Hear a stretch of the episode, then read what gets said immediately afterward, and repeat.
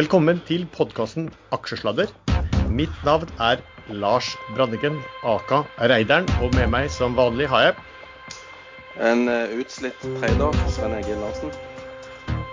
Og så må vi ønske velkommen tilbake til oss, uh, Pål Ringholm, sjef kredittanalyse i Sparebanken1 Markets. Tusen takk for det. Ja. I, I, denne sammenhengen, Vi hadde jo en introduksjon av det sist, uh, så jeg vil vel egentlig Men i mitt hode så vil jeg helst introdusere deg som analytikeren med det beste favorittlaget i England. Ja, ja det var godt sagt. Og, og vi har mista en viktig mann i dag pga. korona. Som en, en, en, legende har gått bort i dag. OK. Det, det har ikke jeg fått med meg. Hvem var det? Hunter. Ah, Norman Hunter. Uff og huff. Uff, ja. ja. Vi, vi, vi, satser vel på at uh, man blir ferdig med sesongen i år, så Leeds får rykke opp, eller hva? Ja. Disclaimer må alltid uh, til. Vi gir ingen råd dersom du hører på hva vi sier her om markedet, aksjer, enkeltaksjer og livet for øvrig, er ansvaret helt og holdent ditt eget. Men du Pål, jeg så bare litt. Du var hos oss den 11. mars. Eh, mye har skjedd siden da. Da sto hovedindeksen i ca. Ja, rundt 20. Den gikk ned til 6,35 23. mars. Mm. Og deretter så har den nå sust opp igjen og er vel akkurat i mens vi snakker nå. Ja, så er den sånn 747,68. 747, ja. OK. Så da er den opp ca. 18% fra bunnen. Altså DAX er opp 27% fra bunnen 18.3, så den hadde. Ja. Eh, vi har fått eh, enorme tiltakspakker fra politikere i mange land, altså finanspolitikk. Og vi har fått enorme virkemidler fra sentralbankene, kanskje spesielt i USA, innenfor pengepolitikken. Vi har nedstengninger i land, vi har utviklinger i korona etc. etc. Jeg tenkte vi kunne starte med hva du tenker om hvor står vi nå?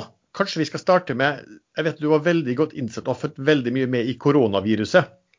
Hvor står vi der nå?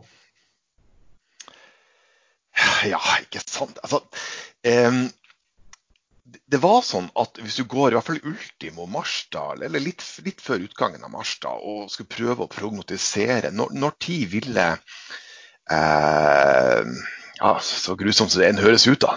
Døden toppe, da. Uh, koronadøden topper, så, så det er selvfølgelig avhengig av hvilket land det er. Noen er foran andre i løypa. Da. Eh, men så, så, vil, så, var da anslaget at i midten av april så ville, ville vi nå en topp. Eh, den i den grad man kan kalle det en god nyhet, men vi må forholde oss til på en økter måte, så er det jo sånn at hvis du ser på tallene i det siste, så er det en utflating da, og en topping i veldig mange land. Ikke alle, for all del. I går så var det økning både i Singapore, i, i Frankrike var det en kraftig økning, Russland f.eks. Um, eh, men i andre land så er det tegn til utflating. Så Det er den gode nyheten at det er mulig å se en utgang av den her, og her kommer det viktige poenget, av den første bølgen. Mm. Men det er det jeg tror, samtidig så er det veldig fort gjort å gå i en sånn tankefeil her. Du, du, eh, du, har kanskje tenkt i for, du har investert i aksjer, og, det, og du, du, er investert, og så har du tenkt i forkant at eh, ja, når det her bare topper ut, da skal jeg all in. Da skal jeg inn med alle midler. Og skal til og med låne litt penger for å kjøpe. Og det kan hende det går bra. Det kan hende at det blir en i den, i den her myndighetsskapte eh, resesjonen som det her er. Sånn, alla den vi hadde på 1982, da, da man skulle ta knekken på inflasjon.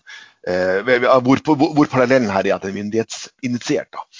Så, selvfølgelig kan det skje. Men jeg har veldig eh, Personlig da, så tror jeg det er en veldig høy risiko for at med en gang du begynner å, å åpne litt opp igjen, noe vi må, vi er nødt til det, vi kan ikke ha samfunnet stengt nede. Så kommer det på et eller annet tidspunkt en bølge to, eller bølge tre, med mindre vi klarer å replikere Sør-Koreas utmerkede atferd enn så lenge på å teste i alle mulige perspektiver, altså ha kontroll på det her. Og eller at det kommer noe på medisinsk sektor, kanskje prate mer om det etterpå, da, eh, eller teknologisk sektor, og til slutt en vaksine som gjør at vi kan begynne å leve normalt igjen. da. Mm. Kanskje litt langt svar, altså, men, men eh, vi, er, vi ser, ser enden på bølge én, men jeg tror det er stor sjanse for bølge to eller bølge, og bølge tre. Men det var antall nye tilfeller i Europa og eh, faktisk Asia var jo mye opp i dag, faktisk, i forhold til eh, Ja, det, det, de to altså, siste dagene. Det, er, det, er- det er helt riktig at eh, ja, det er veldig store variasjoner. Altså, så Frankrike dro jo veldig opp da. ikke sant? Så du, du, må, du må se litt bak kanskje bare overskriftene på, på det. Men, du, eh, men ikke sant, ta, ta Singapore, som jeg nevnte så, så kjapt i stad. Det er jo veldig interessant. For det første er det ganske varmt i Singapore. Så det, det at viruset ikke, ikke, ikke liker seg rundt 29-30 grader, det er nok ikke helt riktig. da. Eh, Det andre, er sånn, de, men de er et godt eksempel også, fordi de, de hadde den første bølge av utbrudd. Og nå er det kommet en kraft, kraftfull nok i hvert fall, økning i bølge nummer to. da. Det betyr bare at ting må være stengt eh, mye lenger enn du faktisk kanskje tror. Eh, fordi at det kommer en påfølgende bølge to eh, allerede nå. Ja, altså det som er da, er at vi vet jo ikke hvor, egentlig hvor smittsomt det her viruset er, utover at vi vet det er veldig smittsomt. da. Og, og, og hvor smittsomt det har for øvrig store implikasjoner eh, på flokkimmuniteten. da. Eh, Er det så smittsomt at 2,1 person, syk personer smitter 2,4, som man har liksom trodd, rundt der, rundt der da. Så, så trenger du ca. 60% av befolkninga er smitta, og, og, og så stopper det opp. Hvis det er mye mer smittsomt, eh, så, så, eh, så, så må eh, så må flokkimmuniteten opp, opp i 80% Det skal vi si da, bare, veldig kjapt, er at nå har jo mange land fått denne smitteratioen under 1. I Norge rundt 0,7. Men som Merkel dro veldig raskt i, i, i, i, i, i går, eh, med smitteratio oppe på, eh, på 1,1, så er sykehusene fulle i oktober. Er Smitteratio bare på 1,3. Halvparten av den egentlig er reelt sett, så er, så er sykehusene fulle i juni. Så det er Mm. veldig liten balanse her. Ja, Ja.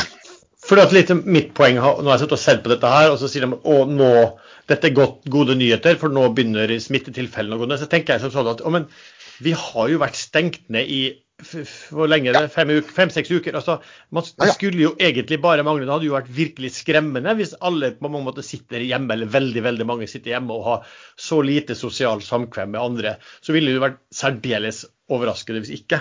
Eller hva? Ikke sant? Nei, nei for eh, absolutt, og det er godt, det, det er godt oppsummert. Altså, vi har ikke eh, eh, Vi har bare ikke en ting er at vi, vi har ikke råd til å Ikke råd rent sånn kapitalistisk tenkt, altså, men samfunnet vårt kan ikke bære at vi er stengt for lenge. Og det, Du har helt rett. Vi, det, suksessen er at vi har stengt ned deler av samfunnet en periode, men vi er nødt til å åpne opp igjen. da. Eh, så, så at det her er en lengre prosess, det er det. Ja. Du, jeg vet ikke om du så, for du, du snakka liksom om det, hva det kaller det vel P0, er det man kaller hvor mange personer en smittet kan antas. Kan R0. Ja, ja, riktig. Ja. Jeg vet ikke om du så, det var vel om det var, det var noe vi posta på Ekstrainvestor, som var en sånn forskningsrapport som ganske nylig hadde kommet. Jeg lurer på om det var noen, noen amerikanske som hadde vært og jobba sammen med kineserne borte i Wuhan og fått tatt del av masse statistikk på hvor mange som reiste ut og hele biten. Og de, det, det, det tallet de hadde, det var ganske stygt. For de hadde 5,7. Ja. Eh, og da de mente med 95% sikkerhet at det lå mellom 3,8 til 7, noen ting. Og, og, det, og det gjorde jo også, sånn som du sa, at, at da mente de at flokk Altså at Hvis det skulle finnes flokkimmunitet, var- betydde jo da at det måtte økes til jeg tror det var om det var 83% eller 87 Ja, nettopp. 80 80-tallet. Ja, jeg, jeg, jeg, jeg så den, og det var veldig bra du trakk den frem. Og det var det jeg tenkte på i stad. Nei, absolutt. Dog, det har implisitt i seg en god nyhet. Og, eh, fordi at det kan jo Jeg sier bare kan, da. Vi, vi får spekulere i det her siden jeg ikke vet det. Det kan også være da en andrehåndskonsekvens av det at mange flere er smitta av denne sykdommen enn vi tror. Ja. Allerede. Ikke sant? Eh, og da betyr det av flere ting at dødelighetsraten er mye lavere enn vi også tror. da. Mm. Men det er jo, men det, er altså bare for å avslutte, det er jo jeg satt og så på litt i eh, noen tall her, her i morges. da, det, eh, det, Uansett, da. Så, se på prosent eh, dødelighet er veldig vanskelig, for vi vet ikke hvor mange som reelt sett er, er, er smitta. Men en oversikt jeg så her i, i dag i Europa på antall som har dødd av korona, versus hvem som normalt sett dør på, av influensa. For, et land som, som Norge, så var det mer togangen hittil. Så, så Norge har klart seg bra. Men det er fordi vi har stengt ned, da. Mens i, i land som Italia og Spania er det 50-gangen. Så, så det er ikke noe, no, noe normal influensa, eh, influensa vi har med å gjøre. Det vet vi jo, men bare for å ha, ha det sagt. Også. Ja. Og så var det vel så, sånn som jeg har sett, så det, kan det vel tyde på at man har senvirkninger av å ha pådratt seg dette viruset som man ikke har på vanlig influensa. Så jeg så vel at det var i etterkant så var det altså hjerteproblemer og nyreproblemer og lungeproblemer og ja, i hvert fall sånn som det ble skrevet. Men, men det mangler vel data på ganske mye fortsatt? eller hva? Det, det er veldig lite data på mye. Jeg så også undersøkelsen der, men det var jo vel, hvis jeg husker, hvis, hvis, hvis vi refererte sammen begge to her, så, så, var det de som har vært ordentlig syke. da.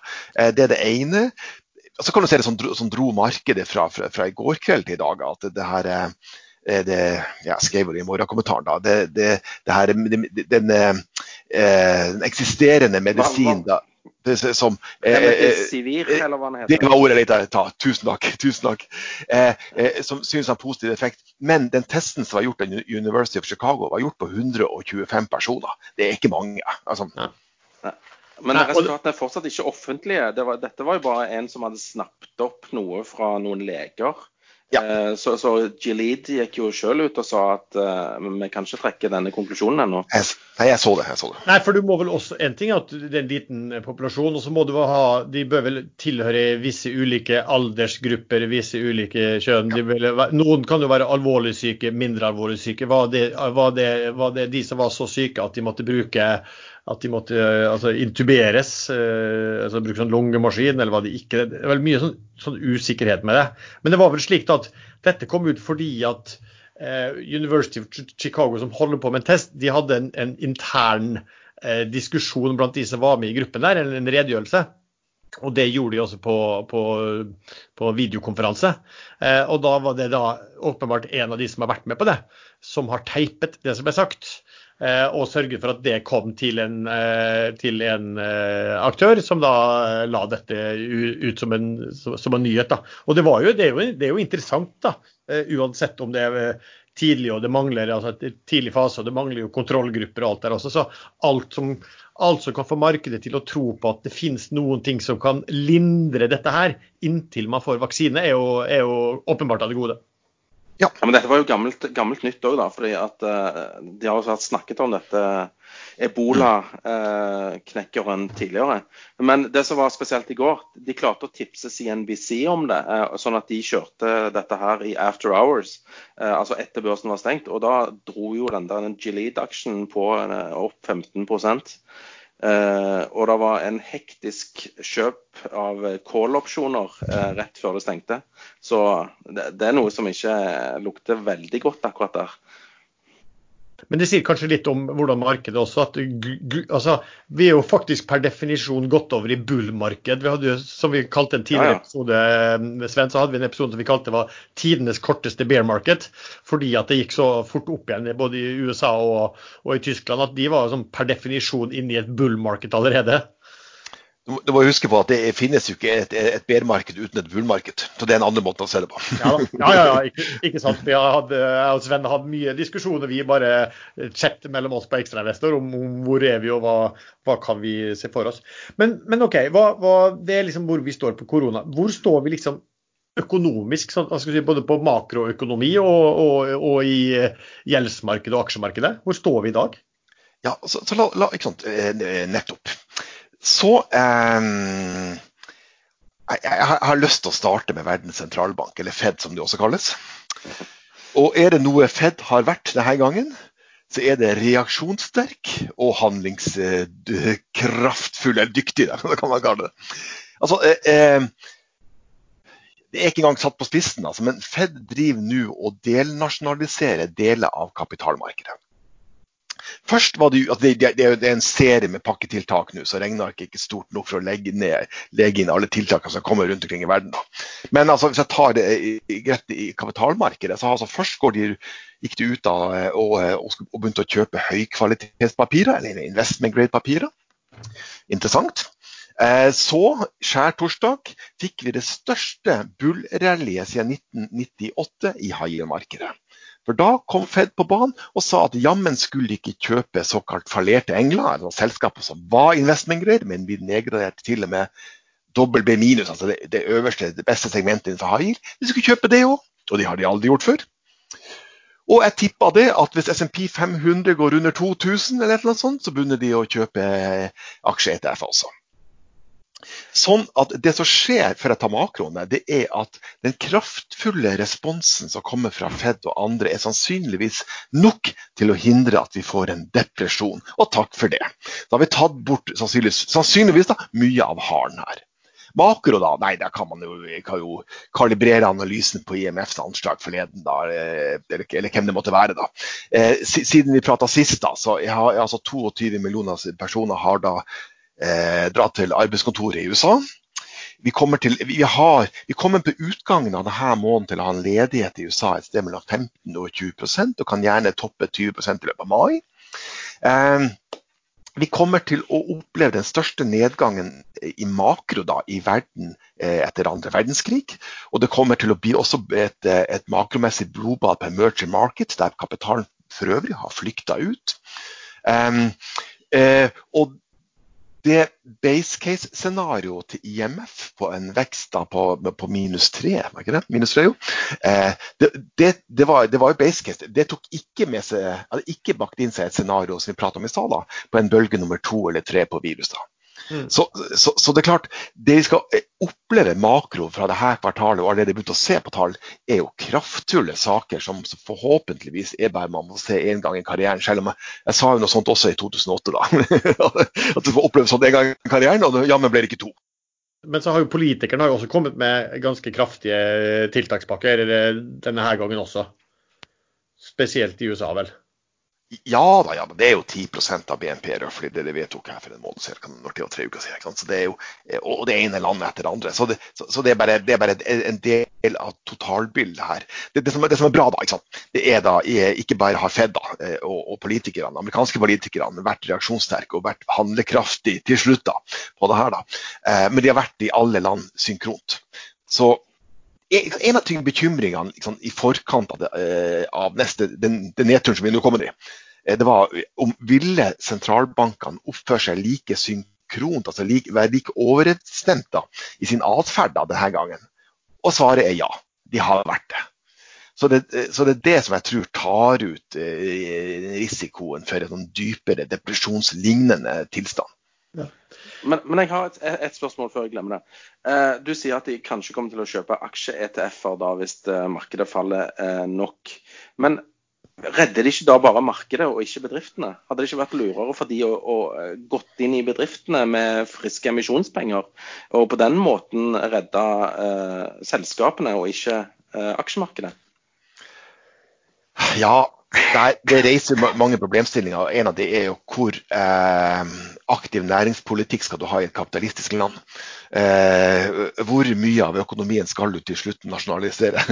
Ja, har jo allerede tatt så mye at eh, Ja, ja, ja. ja. Nei, da, ja, det er absolutt det jeg sa også. Jeg er det, men eh, jeg hadde et seminar om det her i august i fjor, eh, og hva du skulle gjøre når renta blir null. Da.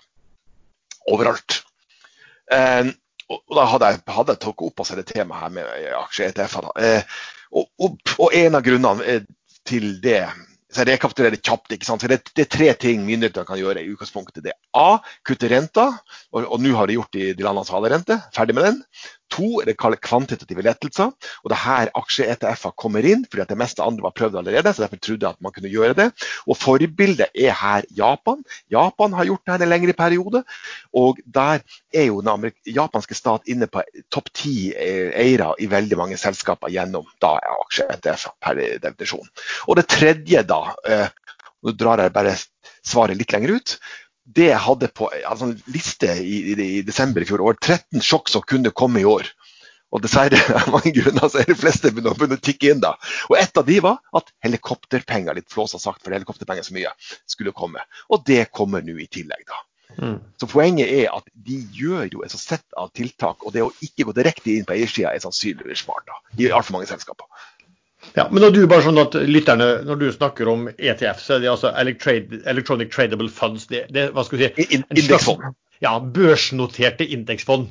Ja, sorry. Eh, og, og, per de, men per definisjon, da, når Fed, eller hvis de går og kjøper sånne, så vil det på mange måter tilføre eh, ETF-en eh, ekstra penger. Jeg, jeg regner med at det fungerer litt sånn som i, i Norge, at hvis du begynner å kjøpe, så må, så må de som, som har det, det, fondet, de må utvide fondet, for de har fått mer penger inn i det. Eh, er det ikke slik det vil fungere der også? Ja, eh, kineserne har jo også gjort det i sitt aksjemarked. I Hongkong har også gjort det i sitt aksjemarked. Og du gjør det her også for å da eh, la, la, oss si at SMP 500 hadde falt til 1500, skrekk og gru, men at du er der. Du gjør det jo for å stabilisere markedene. Du gjør det jo for at du, du eh, vi er i samme stekepanna hele gjengen, og da, da, gjelder det bare å få ned temperaturen her. Eh, og, og, sørge for at vi, vi lander med begge beina her. Ja. Det, men vil, vil, vil, det, vil det redde bedriftene? Men, men, men, litt. La, la, oss spole tilbake til det de har gjort nå i kredittmarkedet. Eh, og da må vi bare ha som bakgrunn at eh, husk det da, at i mange land, eh, Norge f.eks., og Kina og i USA, så har bedriftene til dels aldri hatt mer gjeld. da. Før krisen. Tenk på hvordan det blir etter, men før krisen. Um, og hva ønsker du da skal fungere? Jo, du ønsker at kredittmarkedene skal fungere. Det er en veldig lur idé, og det er jo det de prøver på. De prøver å hindre at kredittmarkedene smelter helt eh, ned. Og så, så, kan vi spørre oss, har det hjulpet? Ja, men da kan vi se på data fra i går. Vær, vær tidsaktuell her, da.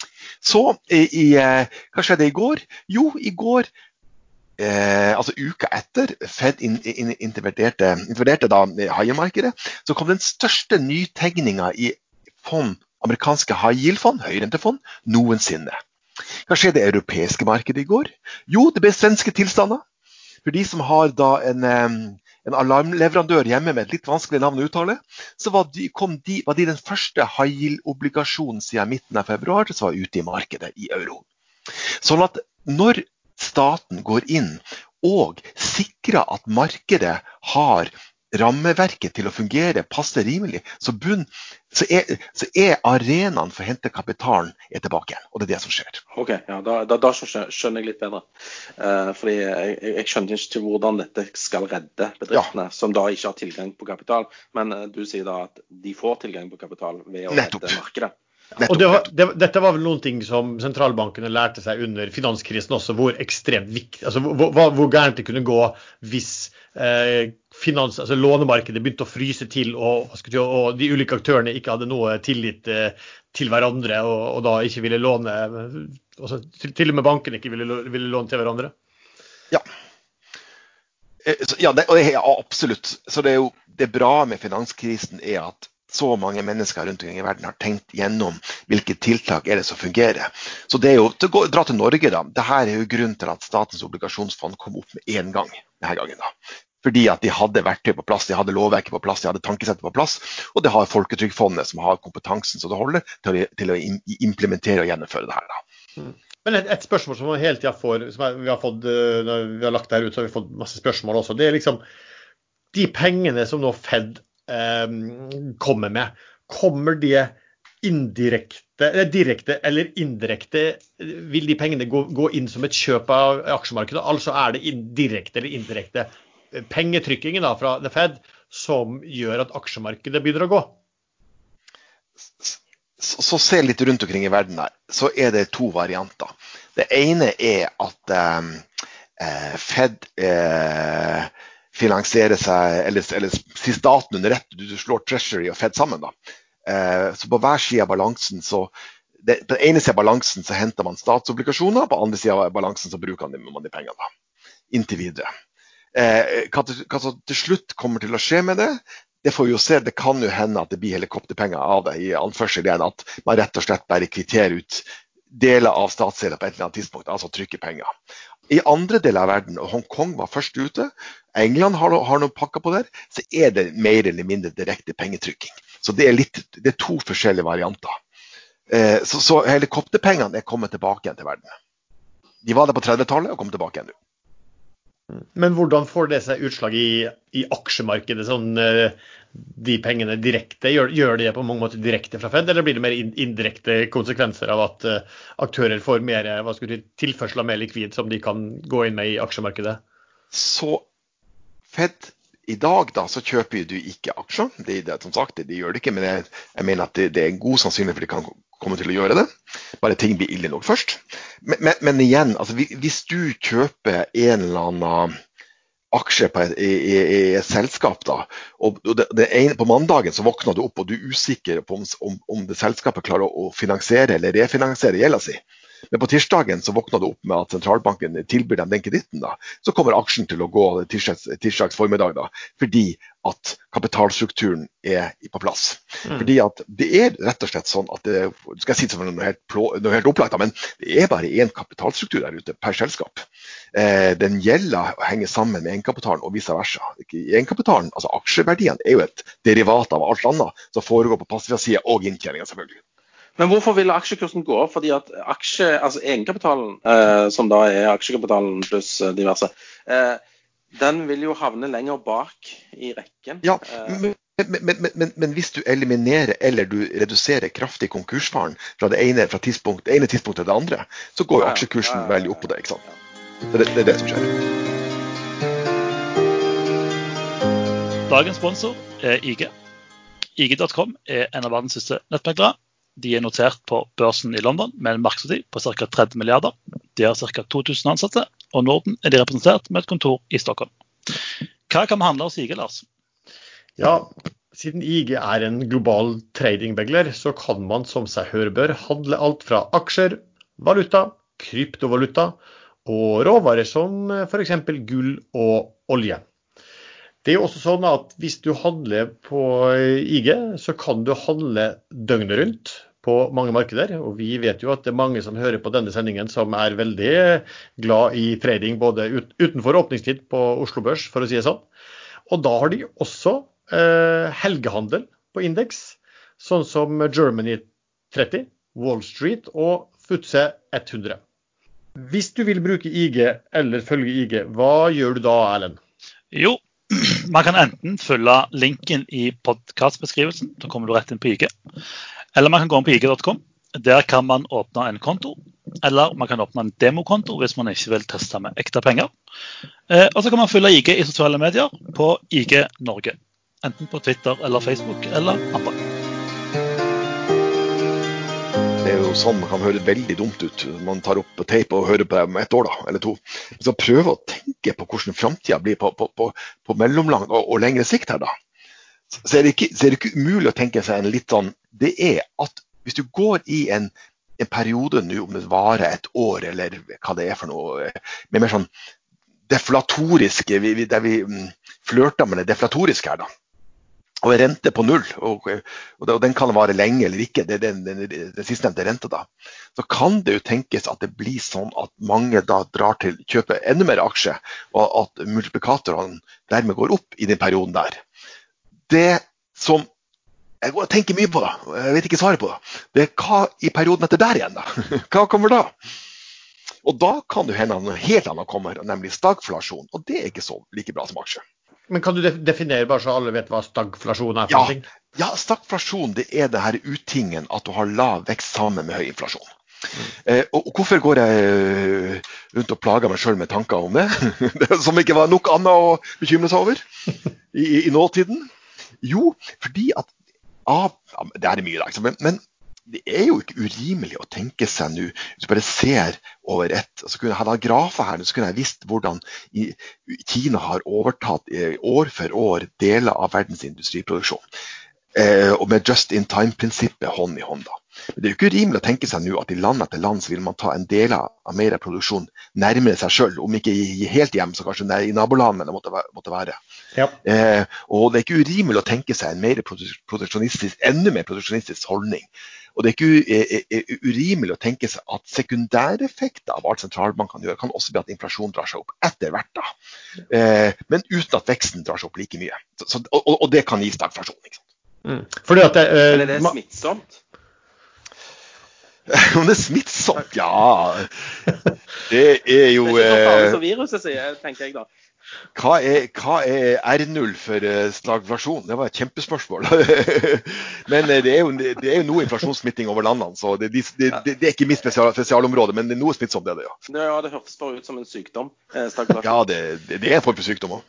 Ja, men Det høres jo litt logisk ut, i hvert fall hvis du ser på innenfor eh, helseområdet. da, Så ser du jo nå at de uh, ulike aktørene omtrent de uh, slåss og bestikker vel uh, de, omtrent de som jobber på ulike flyplasser rundt i verden for å få smitte, beskyttelsesutstyr sendt til sitt land. Og Det samme har jo vært spørsmål også på produksjon av, av medisiner. ikke sant? At mm. man, man, ser nå at det kanskje ikke er så smart å være veldig avhengig av et annet land. for klart hvis det skulle komme et, eh, et, eller annet medisin som alle ville trenge, og det nesten ble produsert i ett eller to land, så er det vel vanskelig å tenke seg at de landene ikke ville måtte sørge for at borgerne sine først hadde fått den eh, medisinen, før det hadde gått til andre land. Ja, absolutt. Altså, det, og det er jo er mye av problemet her, da, men som, som debattert, og alle, alle vel etter hvert vet, at det er jo at krisen her er jo mye større enn den trengte å være fordi at de ikke var forberedt. Eh, og man kan jo tenke seg at vi begynner å tenke over mye her i livet. At vi må være forberedt på det, det og forsvar og hva enn det måtte være. Fordi at vi forstår at vi er ikke usårbare. Eh, etter eh, kanskje mange år med veldig fredelige omstendigheter i vår del av verden. Men det er litt lengre diskusjon. Da. Men jeg, jeg tror det er trenden, altså. Ja. Men tror du, sånn som, altså når da sentralbankene de, si, trykker penger, balansen deres blir mye større, det blir større tilførsel av likviditet. Sånn, rent teoretisk alt annet like, så, så skal jo det i, forhold til sånn, i hvert fall gammel Milton Friedman-teori, så skal jo det medføre inflasjon. Men, men, det har det jo egentlig ikke gjort siden de virkelig begynte å trykke på knappen under finanskrisen, og, og, og virkelig, og virkelig, virkelig har trykka på knappen denne gangen. Nei, altså hvis, hvis, du drar litt sånn eh, eh, Det er noen par års gammel historie, eller litt lenger enn det, da. Men eh, gr noen grunner altså For det første, inflasjonen forsvant jo aldri, men den var bare moderat altså de siste årene. da, Bare husk på det. Den, den er aldri borte, men den var moderat og var aldri plagsom. da, Det er den ene. da.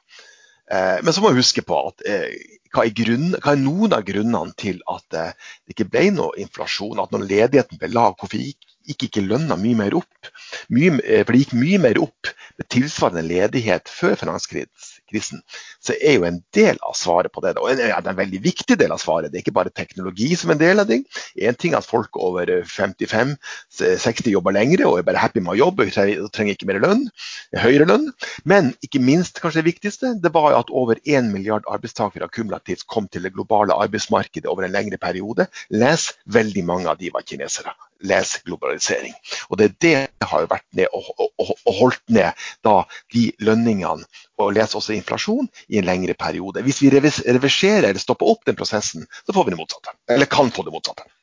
Ja, kombinert med ekstra stor pengetrykking og det, så kan jo det gjøre at man kanskje plutselig får man inflasjonen eh, tilbake igjen, selv om jeg ser at enkelte spår at her blir det ikke inflasjon de neste 20 årene. Ja, altså, det, det, Når jeg hører sånne prognoser, så får jeg frysninger. For jeg vet såpass mye om eh, hvordan det er å spå, og hvor vanskelig det er. Ja. Og hvor umulig det er å spå på ti år og, med, og, og, lenger fram. Så eh, altså, mitt poeng i, i, forhold til rente, da, det, det er det at ti år det er Selvfølgelig kan renta være nært null, det er jo fint mulig. Men vent litt, selvfølgelig kan den øke kraftfullt også. Eh, selvfølgelig kan, Det er sjelden sånn at du er i samme tilstand veldig lenge. da. Så eh, hovedpoenget der er at utfallsrommet er skjevt. Du, eh, Hvis du får sånn pro proteksjonisme i, i, verden, så vil det øke sannsynligheten for eh, inflasjon og eh, påfølgende renteøkninger? Ja, men tenk deg sjøl for å ta det ekstreme tilfellet. Hvis vi fant ut i Norge at vi bare skulle bygge biler sjøl. Eh, nettopp. Så, der, så der, der, har du svaret. Ja, ja, eller bananer i Tyssedal, var ikke det han Hegnar skrev om i gamle dager? De ble, de ble ganske dyre. Det er vel liksom teorien om de komparative fordeler som eh, hvis den skal settes til side, så blir ting dyrere. Men du, Pål, eh, det er litt sånn hvordan vi står nå. Hva, hva, la oss si veien videre. Hva, hva, tenker du om, eh, hva tenker du først og fremst om altså, high yield-markedet, som mange er interessert i, og, og, aksjemarkedet? Hva tror du nå liksom på, hvis du ser både på i hvert fall kort sikt fra nå og det neste året? Hva, hva, hvordan tror du utviklingen vil være? Nei, altså, ok, Så, så um, jeg håper det her er unntaket. Men, men uh, og det, og, av at det kommer fort tilbake igjen. og det da må, det, da må vi treng, tippe vi trenger noe veldig konkret. Og det kan komme plutselig en dag en kraftfull positiv overraskelse på det medisinske eller, eller, eller tekniske av art. Men for å kalibrere analysen, hvis jeg ikke ikke skulle legge det til grunn, da, så kan jeg gå tilbake til 50-tallet. da. Og så kan jeg se på alle tilsvarende større korreksjoner. og Så ankrer jeg igjen analysen på SMP 500, verdens største børs. Og så, og så, ser jeg det at, eh, at hva jeg regna på for noen, for noen, uker tilbake, da, at i 90, jeg tror det var 93% 93-94 av tilfellene, så er det alltid en, en, en, en runde to med nedgang. Og det jeg mente i stad, eller tenkte på i stad, der jeg sa at ethvert eh, BER-rally, eller BER-periode, ber, har, sitt bullrally. Så eh, det som sitter der og har investert nå, og børsen er der den er, så får man ta, gjøre sin egen beslutning på det. Er det her eh, det andre unntaket siden 50-tallet på det, eller eh, er det som skjer på makro såpass kraftig at du kan regne med en runde til ned? Så Jeg tror jo mest på en runde ned til. da. Det er det jeg tror personen er mest på. da. Så Det var aksje. Og, og, og, bare, bare, for å avbryte litt, for jeg skal bare spille inn Sven, for du har jo også tanke på det, Sven, eh, hva du tror om eh, om, om bunnen er nådd, eller om vi får en runde to nedover? Nei, Du skal jo alltid ned og så reteste eh, mot bunnen der du har vært tidligere. Kanskje bryte gjennom, eller, eller så holde bunnen. Men det er derfor jeg er så sliten som aksjetrader. For jeg sitter nå og ser liksom med vantro på børsen f.eks. i Tyskland, som var opp 4% her. På eh, en, en ikke-nyhet og åpningsshowet mm. til, til Donald Trump i går. Eh, sånn at eh, jeg forstår ikke hva som skjer nå, og da ble jeg veldig frustrert, og så ble jeg litt lei meg. Men hva tenker du da på, på ditt spesialområde, Pål, på, på kreditten, altså på vanlige obligasjoner og high yield?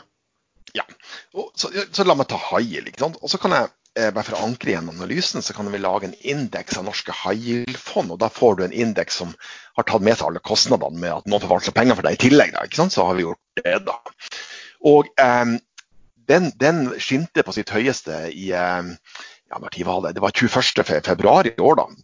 Eh, og eh, da var det sånn, hvis jeg bare tenker litt i hodet mitt her nå, og eh, nå har jeg tenkt, at den gikk faktisk ned 24 da, det, ned til den 24. mars. Da var den på sitt laveste. 24. mars.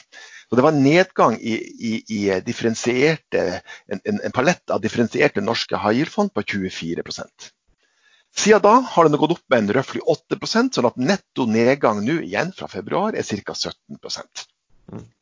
Så da er det to tanker i hodet. Og jeg, og jeg personlig putta inn flere millioner med egne penger veldig nært ned den, den bunnen, da, i, i, i, den tru på jeg prøver ikke å være for teknisk, men, men, selv om jeg tok worst case scenario for globale high yield, at vi skulle få en konkursbølge vi aldri hadde sett tidligere, så var det allerede priser inn i det norske markedet.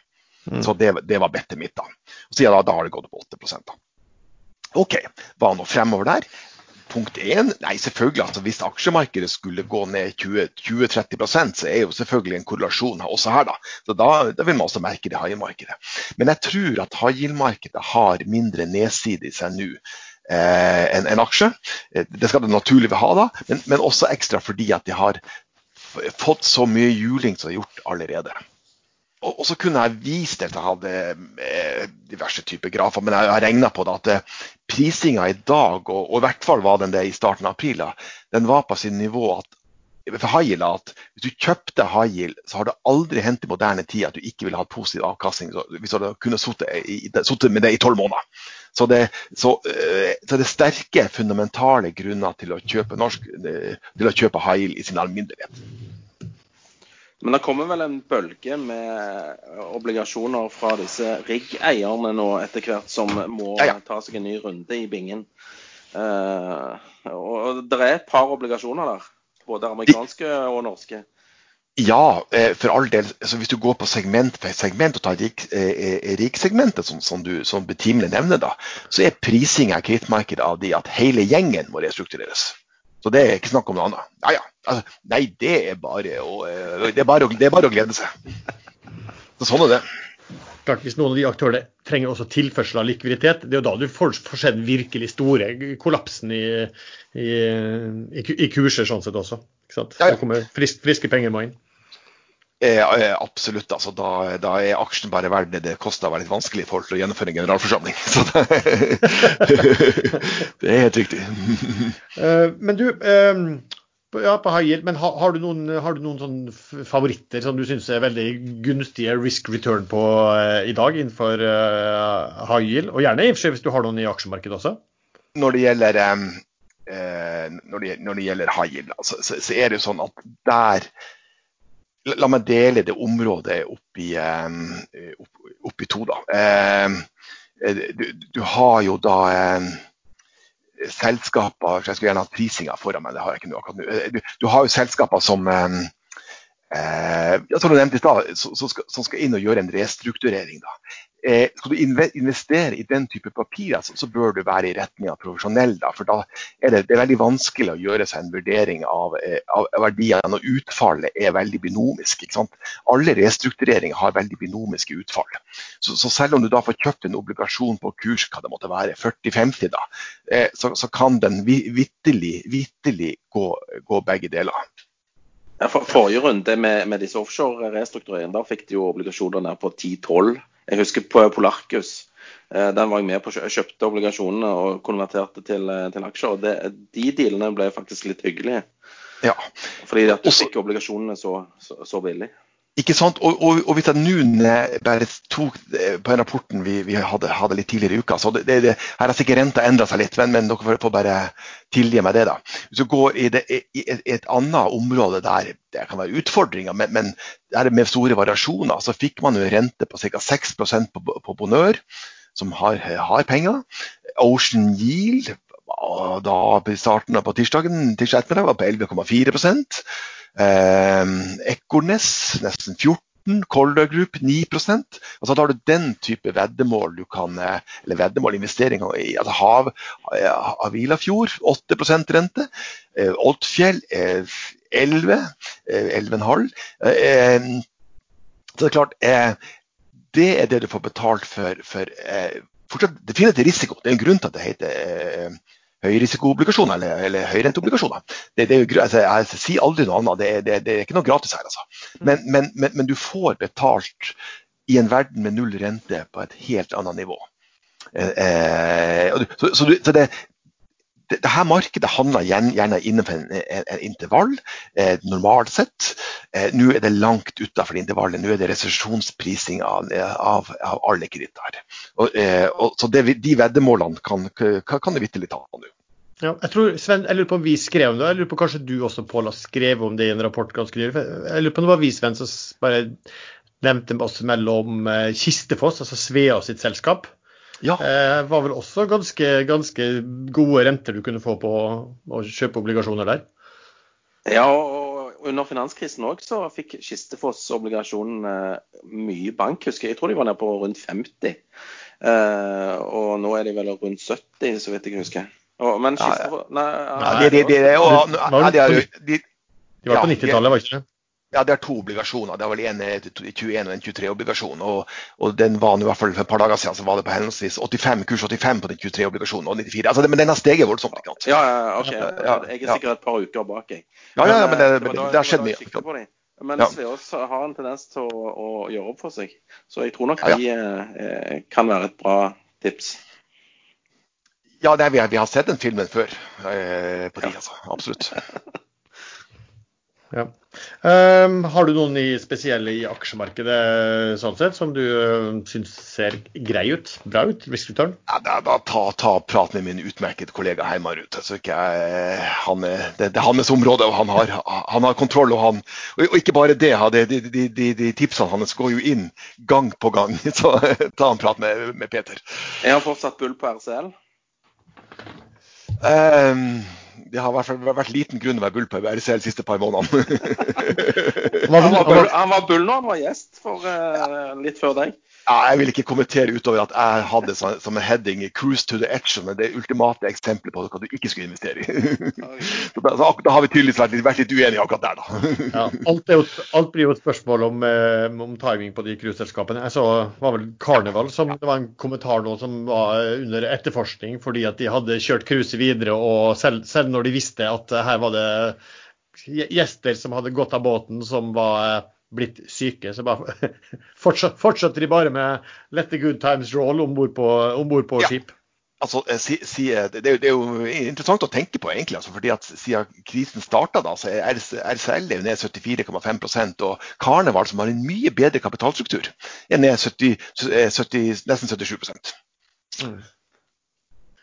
Det kan jo hende ha sammenheng kanskje med hvis de ene har oppført seg litt annerledes i forhold til ja, ja, blir saksøkt og de tingene her, så ligger du kanskje. Ja, de har henta seg kraftig inn nå, begge to. Ja, da, jeg er klar over det. Klar over det.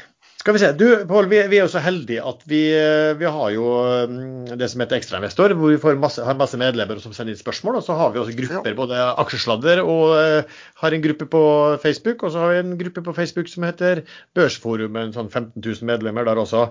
Og de, når vi skrev at du skulle komme, så kommer det inn en god del spørsmål. Uh, som jeg tenkte vi kunne ta. Et spørsmål som har kommet, det er om uh, bankene på, på børsen, altså DNB og flere at det har vært kommentert at de har vært eh, altså de, de, de, falt eh, kraftig, men har ikke fått vært med på særlig grad på oppturen opp igjen. Om du skrev at det gjelder vel også i Europa generelt. Eh, har du sett noe særlig og tenkt særlig på det? Ja, det er interessant. Europa har f.eks. Hvis det, eh, Eh, hvis jeg sammenligner prising av hvordan markedet priser gjeldsstrukturen på banker kontra aksjene i, på, på, på, europeiske banker så, ta, har, det har ikke vært, så har det vært en sånn rebound på, på eh, på gjeldsinstrumenter. Nå er det fondsobligasjoner, som er, er instrument mellom aksjer da, og vanlig gjeld bank, for bankene, altså, har, har, gått opp ca. 25% Men det har ikke bankaksjene gjort. Um, og, og, det er klart, det som er med bankaksjer, det er at det er jo Og jeg er jo bankanalytiker, egentlig. Det er jo at eh, altså det segmentet jeg har brukt mest tid på, det er jo at den fasiten har med å komme litt senere, og den har så stort utfallsrom. Ofte så er det litt enklere å regne på industriselskaper.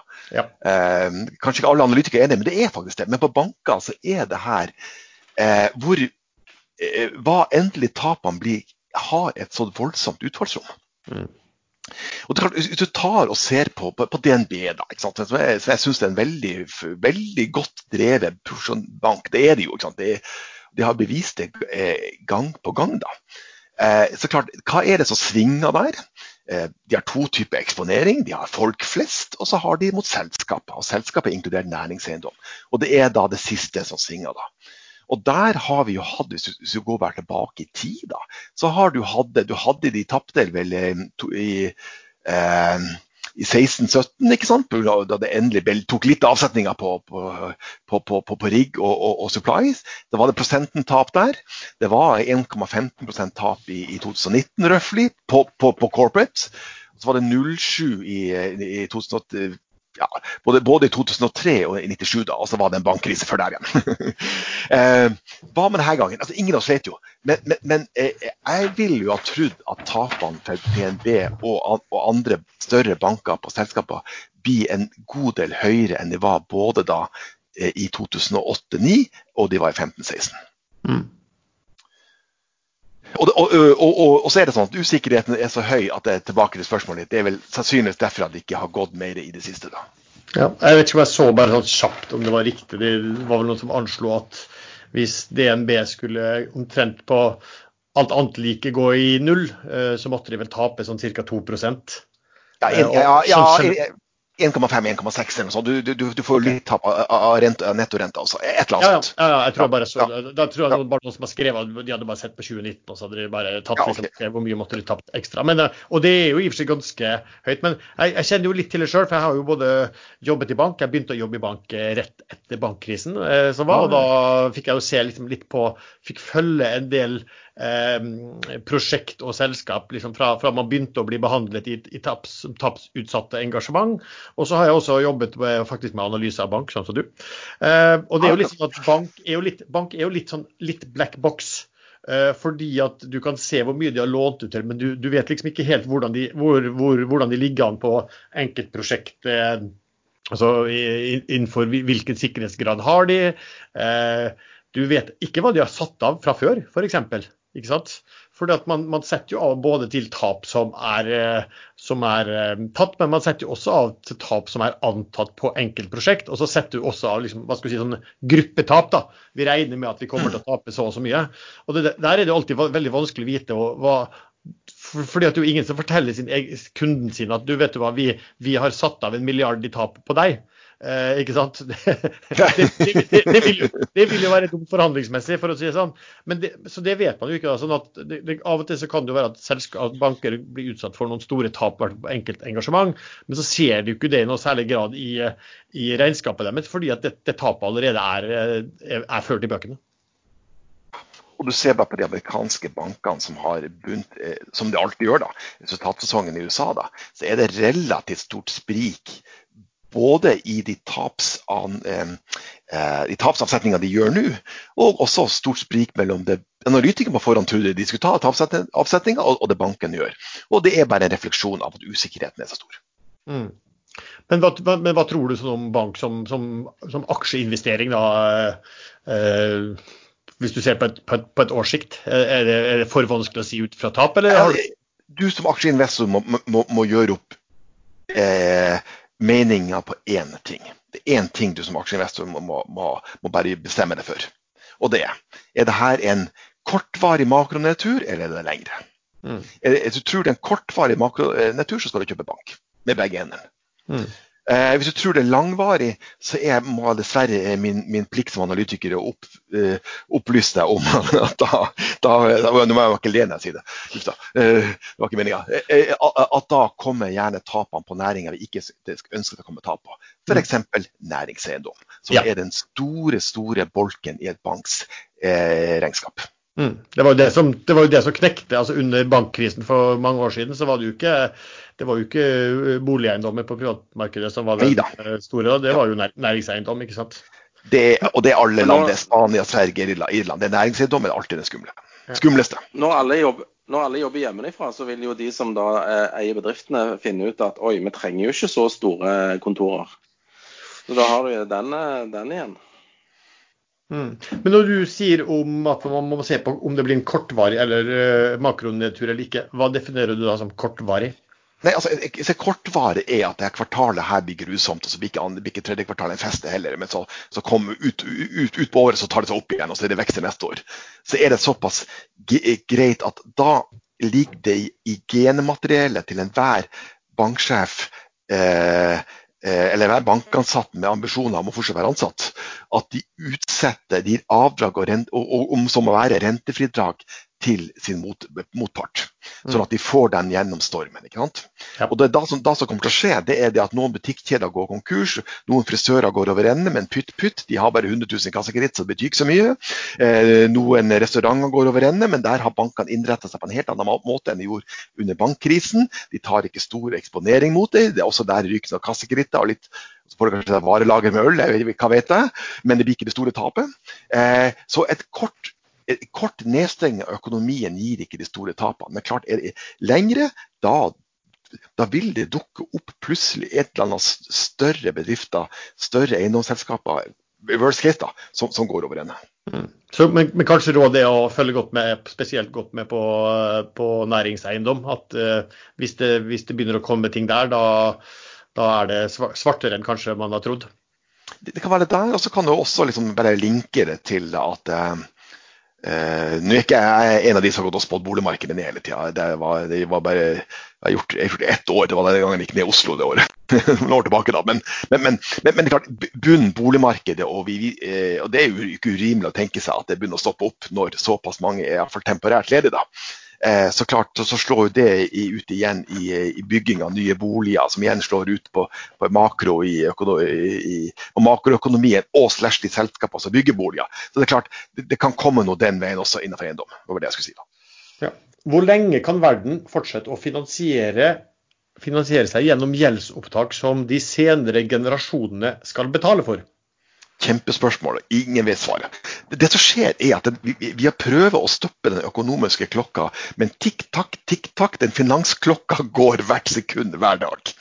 Det er det som skjer. ikke sant? Um, uh, og så det her uh, um, eh, altså Når vi stenger økonomien og tror at det ikke har sekundæreffekter, eller det, alle vet at det har det, selvfølgelig, eh, så, så, må vi eh, eh bridge-finansiere det dårlig. Norsk, altså, vi må finansiere det, det gapet.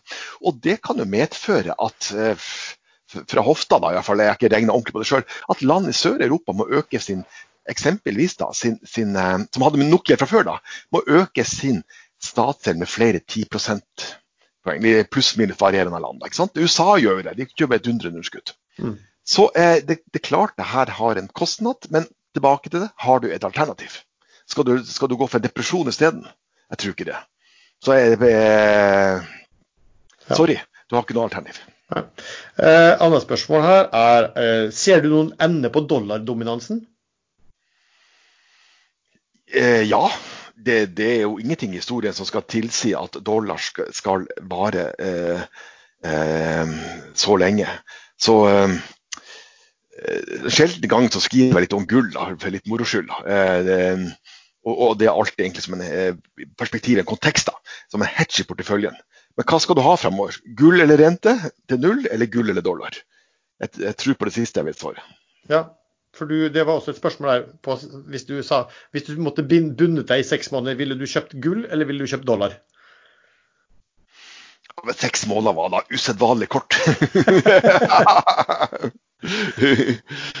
Det er sikkert, lenge, det er sikkert lenge, for en del som, som hører på. Ja, ja, ja, ja, Nei, jeg skjønner. Det var jo greit. Nei, da er seks måneder Uff. Trikkspørsmål. Nei, men greit, jeg kommer til å angre. Jeg går for gull. selv, selv, om, selv, om gullet, selv om gullet rundt 1700 dollar. Uh, spørsmål. Finansieres i dag reelt landets underskudd med nytrekkede penger? Uh, hvem taper på det i så fall, og hvor går bristepunktet? Det avhenger av land. Uh, um, et land som Saudi-Arabia, bare for å ta noe litt, litt ikke obskurt, men litt stygt også, kan da ta opp masse gjeld, for de har nesten ikke statsgjeld fra før. eksempelvis. USA har mye gjeld, statsgjeld, men de kan ta opp ganske mye mer fortsatt, fordi at de har dollaren fortsatt fungerer som verdensvaluta. Norge vi kan da holde på lenge, fordi at bristepunktet vårt er langt unna. Men Italia derimot, det er noe helt annet. Så det kommer bare an på start, startpunktet. Mm. Men hvis du tenker på eh, hvis land finansieres Jeg tror når de snakker om nytrykkede penger, så sier de vel egentlig at reelt sett er det nye penger fra eh, sentralbanken som ender opp med å finansiere underskuddene på statsbudsjettene. Eh, og hvem vil i så fall tape på det?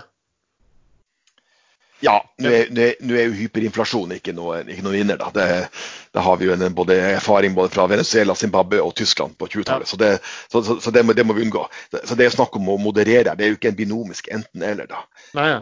jeg, jeg, altså, svaret blir uansett at du har ikke noe alternativ i dag. Jeg tror Nei. det er svaret. Ja. Eh, og, og, eh, og, så Om det da blir økte skatter eller mindre velferd i framtida, eh, det er jo et tap som, som, som kommer. Men, men det er ikke vår primære bekymring her og nå. Bør man eie statsobligasjoner i USA? Tidsperspektiv. Eh, statsrenta i hvert fall intervjuet jeg begynte, var, lå på 0,65 for den, den eh, eh, for den småvoksne amerikanske tiåringen. Altså den tiårsstat år stat i eh, USA. Det laveste den var før dette skjedde, var det dobbelte. Det var 1,37 noen timer etter brexit. Eh, det er den laveste renta som har vært noensinne i USA. Det er det laveste nivået når du går 750 år tilbake i tid, eh, eller 5000 år tilbake i tid, litt avhengig av hvilken graf jeg skal bruke. Eh, så spørsmålet er hvor lenge det her skal vare. I utgangspunktet, og her er det tilbake jeg sa, Ingen av oss vet hva rente er om ti år. Man kan hevde de kraftigste ting med den største selvtillit i media, men man har ikke peiling. Det, er det ærlige svaret her. da. Og Det er da jeg er tilbake til det utfallsrommet så blir spørsmålet For de neste ti årene i din portefølje, er det en god idé å sitte med lange renter? Altså lange statsobligasjoner på ti år eller lengre? Så er jeg fryktelig usikker.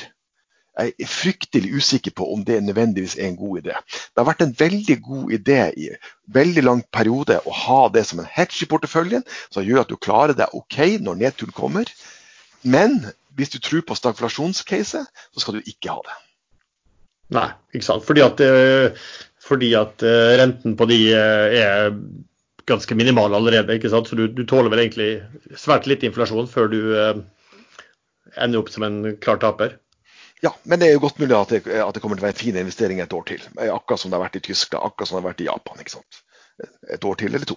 Så lenge vi, så, så lenge vi det ser sånn deflatorisk ut i tilværelsen. Mm. Spørsmål, Fins det en god måte å trade på Feds og, sentralbankene generelt sin intervensjon i high yield-markedet? Ja. Eh, der kan du jo Det, det spørs hvilken eksponering du skal ha, da. Eh, så skal det være i Norge, så da er det fond. Da kjøper du fond, da. Men der er det sånn at de er, de er veldig greie. Altså. De, mange av de har ikke verken kjøpsted- kjøps- eller salgsgebyrer, og de tar høyst moderat betalt for å gjøre jobben underveis. da. Så det, så det, det gjør jeg sjøl. Det, gjør jeg selv. Og jeg kjøper yield, men jeg bruker også å selge meg ut hvis jeg tror at eh, det, skjer et eller annet med den finansielle konjunkturen. da. Mm. Hvis du skal gjøre det på ETF-er, så finnes det jo eh, eh, så finnes det jo eh, eh, store ETF-er i USA. da. HYG er vel tikken for den største high yield-ETF-en her i tilværelsen. Så kan man kjøpe den. Koronaspørsmål. Hva mener du hvis du skal bedømme eller vurdere Sverige versus Norges strategi? Åh, kjempespørsmål. Og der er det ingen igjen som har svaret. Eh, nei, hvem veit, altså. Det der er, er og, altså, det der er tilbake til det vi prata om. Noe av det her er tilbake til det vi prata om i stad. Hva er den reelle dødeligheten på den sykdommen? her? Hva er den reelle spredningsmultiplikatoren, R0 her, da? Hvis den er lavere i rangen, så er det kanskje rett det de klarer å oppnå i Sverige. At i Stockholm, som de, som de tror og håper på, eh, i løpet av mai, er det ikke det? Så, så, er det allerede såpass mange som er smitta at da er det verste over. da. Og da kan det jo tenkes at den svenske varianten skulle vise seg å være det mest fornuftige. Fordi at de slapp i så, i så lang periode å stenge ned økonomien. da, Mens vi skal gå gjennom flere, flere runder. Men jeg vet ikke. Eh, og jeg, jeg, tror vel ingen egentlig vet svaret på det. Mm. Og, og, og, og, så vil jeg bare lagt til enn så lenge så synes den sørkoreanske varianten var den beste. Ja, For de har utstrakt testing og sporing, er det ikke sånn de har? Eh, ja. Det er det, det, det, de har, har, eh, har, gjort, og de har lyktes med i hvert fall enn så lenge. Mm. Men de hadde vel også erfaring fra SARS, at de hadde allerede bygd altså de hadde et, hva si, et viss, viss ja. eh, organisasjon da, i, i, gang til å håndtere dette her veldig raskt, og, og, og var i nærheten av hvor utbruddet eller altså i nærheten av Kina hvor utbruddet skjedde? Ja, både de og i Hongkong f.eks. Så det tilsluttes. Mm. De, var, de, de, var, forberedt, rett og slett. Her er en som sa at Sist gang så trodde du at Oslo Børs, altså hovedindeksen, muligens ville se 500-tallet. 500 ja. Tror du det fortsatt? Ja, jeg tror mest på det skal, skal ned Som vi prater om, jeg tror mest på det skal kraftig ned. da. En gang til. Så jeg, jeg, jeg, jeg håper jo inderlig ikke det. jeg, må, jeg må ikke misforstå. Det er ikke det jeg håper på. Men, men det, det normale basert på, basert på svært mange tiårs erfaring i at vi skal teste en, en, ned. Om vi kommer på 500 like, får vi se, men at vi skal kraftfull ned en gang til. Jeg, tror mest på det. da. Det, det gjør jeg. Alle spørsmål Ja, jeg skulle akkurat si, Sven, du, du, du, du som trader mye, du er glad for det? Nei, Jeg liker jo volatilitet. så ja. Jeg hater når det bare si, sklir oppover. Så Når det stuper ned eller stuper opp, så, så hvis, det, hvis, det, er lov å si, eh, da koser jeg meg.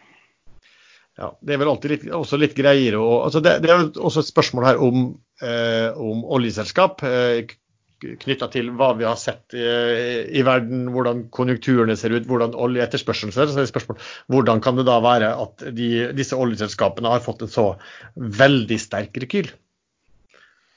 Eh, jeg kan ta kredittmarkedet, eksempel. Eller jeg kan starte der, da. Ja, eh, ja de har fått en, en kraftig rekyl. Men det var etter de fikk den største grisebanken en sektor noensinne har sett. så, var, så, her igjen er det å huske på hvor kom det fra. Ja. Uh, det, det, det. Og så er jo det som har så vet jo da, Dere, dere har sikkert hatt egne seanser på oljemarkedet, men vi vet jo et utrolig bortfall av etterspørsel som preger nå. Eh, og så hadde vi den krigen mellom uh, Putin og uh, han prinsen i, i, Saudi en periode. Men det er klart, det som har skjedd da, tross alt siste uka, er jo at kanskje begynner å med de Forhåpentligvis, da, norsk perspektiv, bortfallene av, på, på, på tilbudssida. At det begynner å danne seg et gulv, i hvert fall. så Det kan jo forklare noe av reprisinga. Mm. Men da er spørsmålet også, tror du at når vi, når vi, kommer ut av dette her, en mer normalisert eh, verden, eh, tror du at det har skjedd liksom, varige endringer i, på etterspørselssiden etter olje? Eh, det er ikke mitt spesialfelt. Jeg tror, eh, så det vet jeg ikke. Jeg vet bare, det tror jeg vet da. Det er at det er en langvarig trend der vi de neste 20 årene kommer til å ende på en oljeetterspørsel som er mer lik det vi hadde på midten av 80-tallet. Altså, eh, jeg husker helt feil i hodet mitt, sånn fra 100 millioner fat som det var før det smelt her, til en midten av 60 millioner fat eller et eller annet sånt. Det er den langvarige trenden vi skal, vi skal gjennom uansett. Uh, her er et litt interessant spørsmål. Det har jeg jo lest litt om før. Men det er uh, kan kredittmarkedet fortelle noe om utviklingen i aksjemarkedet fremover, altså generelt og nå? Det, sånn er det. altså. Det er, sier igjen, det finnes bare én kapitalstruktur. Du tror det er noe annet, men det finnes bare én. Og som jeg har sagt tidligere, det er, det er et eget varmt sted i, i helvete for aksjeinvestorer uten bevertning og uten aircondition for de som ikke følger med i gjeldsmarkedet. Fordi Hvis du går tilbake til den smellen som var i 2008-2009, eller jeg kunne også, også gått tilbake til en resesjon før der igjen, så er det sånn at først må kredittmarkedet konsolidere seg og finne en form for bunn eh, før aksjemarkedet noen måneder etterpå bunner ut. Jeg sier ikke at det må skje igjen gang på gang, da. men det ville ikke være urimelig hvis det skjedde denne gangen også. Ikke minst fordi at bedriftene aldri har hatt mer gjeld. Så før det smalt, og, og husk på, hva er det som skjer nå? Eh, når jeg måler eksempelvis hvor mye gjeld bedriftene har i, i forhold til makro, så tar jeg bedriftsdeler delt på størrelsen på økonomien. Hva skjer nå? Bedriftsdeler Nei, den øker jo, for de må, de må ta med gjeld for å klare seg. Hva skjer med, med den under, under, under brøkstreken? Økonomien? Nei, den blir, jo, den blir jo redusert. Sånn at den gjeldsgraden går bare oppover. Så hadde jeg vært aksjeinvestor, så hadde jeg brukt mye tid på å forstå gjeldsmarkedet nå og se når de, det bunner. Mm. Et annet spørsmål her er om altså, analytikerne de har kommet med sine estimater på inntjeningen eh, for 2020 f.eks. Eh, ut ifra det du har sett, syns du det henger på greip eh, i forhold til hva makroøkonomene tror om den økonomiske veksten? Så det der eh, de, de, tidlige estimatene kommer til å ende med kollektive tårer. sånn er det bare. Sånn er det bare hver nedtur. og det er ikke, er eh, ikke for å altså, Sånn er det bare. Du går inn og har estimater, så, så skjer det noe. Altså, det, er veldig vanskelig. det er veldig vanskelig jobb å ta noe som skjer overordnet og konvertere det til endra tallstørrelser langt inn i regnearket ditt. Mm. Eh, sånn at de estimatene kommer bare til å komme etter, rett og slett. Det blir selvfølgelig et, et, en, en, kraftig nedgang i inntjeninga på selskaper rundt omkring i verden. Det er klart det blir det. Eh, estimatene kommer etter. Mm. Men det er ikke så det, det, vi, det, ser vi fra organisasjoner, type sånn IMF og, og disse oljeorganisasjonene også, som, som spår oljepris og oljeetterspørsel. De har jo også de kommer også, når de kommer med sine eh, nedjusteringer, så har vel all, all verdens makroøkonomer og, og alle, alle, som er i aksjemarkedet og kredittmarkedet, har vel allerede an, an, antatt det de kommer med for mange, mange, uker, mange uker, tidligere? eller? Ja, det er sånn at markedet er det reaksjonssterke blant oss. Det, markedet er jo vi alle sammen. da. Det er investorer og analytikere, og det, det er meglerhus kan måtte være. Så vi i sum bruker å være det raskeste, og så kommer de hundresidesanalysene. De, de, de, de, kommer etterpå. Mm. Så det er enig i det. Ja. Også spørsmål, altså Dette er når USA finansierer underskuddet sitt. Hvem kommer med pengene? Er det, eh, er det kineserne som eh, kommer med det, eller er det penger som kommer rett fra sentralbanken? eller hvordan, hvor, er, det, er det noen sånn oversikt over hvordan det henger sammen? Ja, så To svar på det. I forkant av den krisen her, så er andelen av statsgjelda i USA men Husk på det at før det smalt, så kjørte de med et gigantisk underskudd. Mm. bare nevne det. Eh, andelen av statsobligasjoner statssertifikater som blir kjøpt av amerikanerne sjøl, har vært økende gjennom de siste årene. Så kinesernes relative andel eksempelvis har gått ned. Så de må finansiere større del av egen underskudd. Det er det første. da. Eh, det andre er jo da at, eh, som jeg var så vidt inne på i stad, når nå eh, Fed gjør diverse tiltak, eh, så blir, øker sin balanse, så, så, blir det finansiert eh, da eh, ikke gjennom helikopterpenger ennå direkte, da, men, men, men, deler av det blir på en måte kjøpt også av Fed. altså på en måte det er en Det er ikke helt teknisk, da, men det, de, de, de blir kjøpt For å si det sånn, staten kjøper en del av sin egen gjeld enn så lenge. Ja. Ja, si det på den måten. Eh, hvis du kunne velge risk reward, høyrente eller aksjer? Høyrente. Very good. Nå har vi holdt på en stund, så jeg tenkte kanskje vi skulle avslutte med det mest, det nesten viktigste eh, spørsmålet. Eh, det er eh, hva tror du skjer med eh, Eller hvordan kommer de til å avslutte fotballsesongen i England? Eh, Kommer de til å la tabellen stå? Kommer de til å avlyse en skrekk og gru så eh, Leeds ikke kan få sjansen til å rykke opp, eller hva, hva, hva tror du? Det er, ikke, det, det, det er sikkert flere som er mer interessert i hva, Ja. hva, som- skjer med Liverpool her, men vi er interessert i Leeds. Ja, det er klart vi er det. Nei, altså, det her er jo det jeg bruker mest tid på, selvfølgelig. Klart. og der er det to, det her er det to utfall. det ene er at man er merkantilt orientert i engelsk ligasystem, og man vet at man taper betydelige penger fra eh, TV-inntekter hvis man ikke får av- avslutta sesongen i sommer. Så det betydelig, så det er en stor sjanse for de prøver å få gjort det uten publikum. Og hvis de ikke får gjort det, så kommer de til å øke Og da kommer Leeds til å rykke opp, for de er best. Og hvis de ikke kommer til å gjøre det, så kommer de til å utvide Premier League mest sannsynlig med de to beste lagene, som er Leeds og West Bromwich. Så konklusjonen er at Leeds rykker opp uansett dit vi hører hjemme, til nivå nummer én. Det syns jeg var et helt sånn fantastisk eh, svar på spørsmålet. Det gledet, gledet mitt hjerte stort.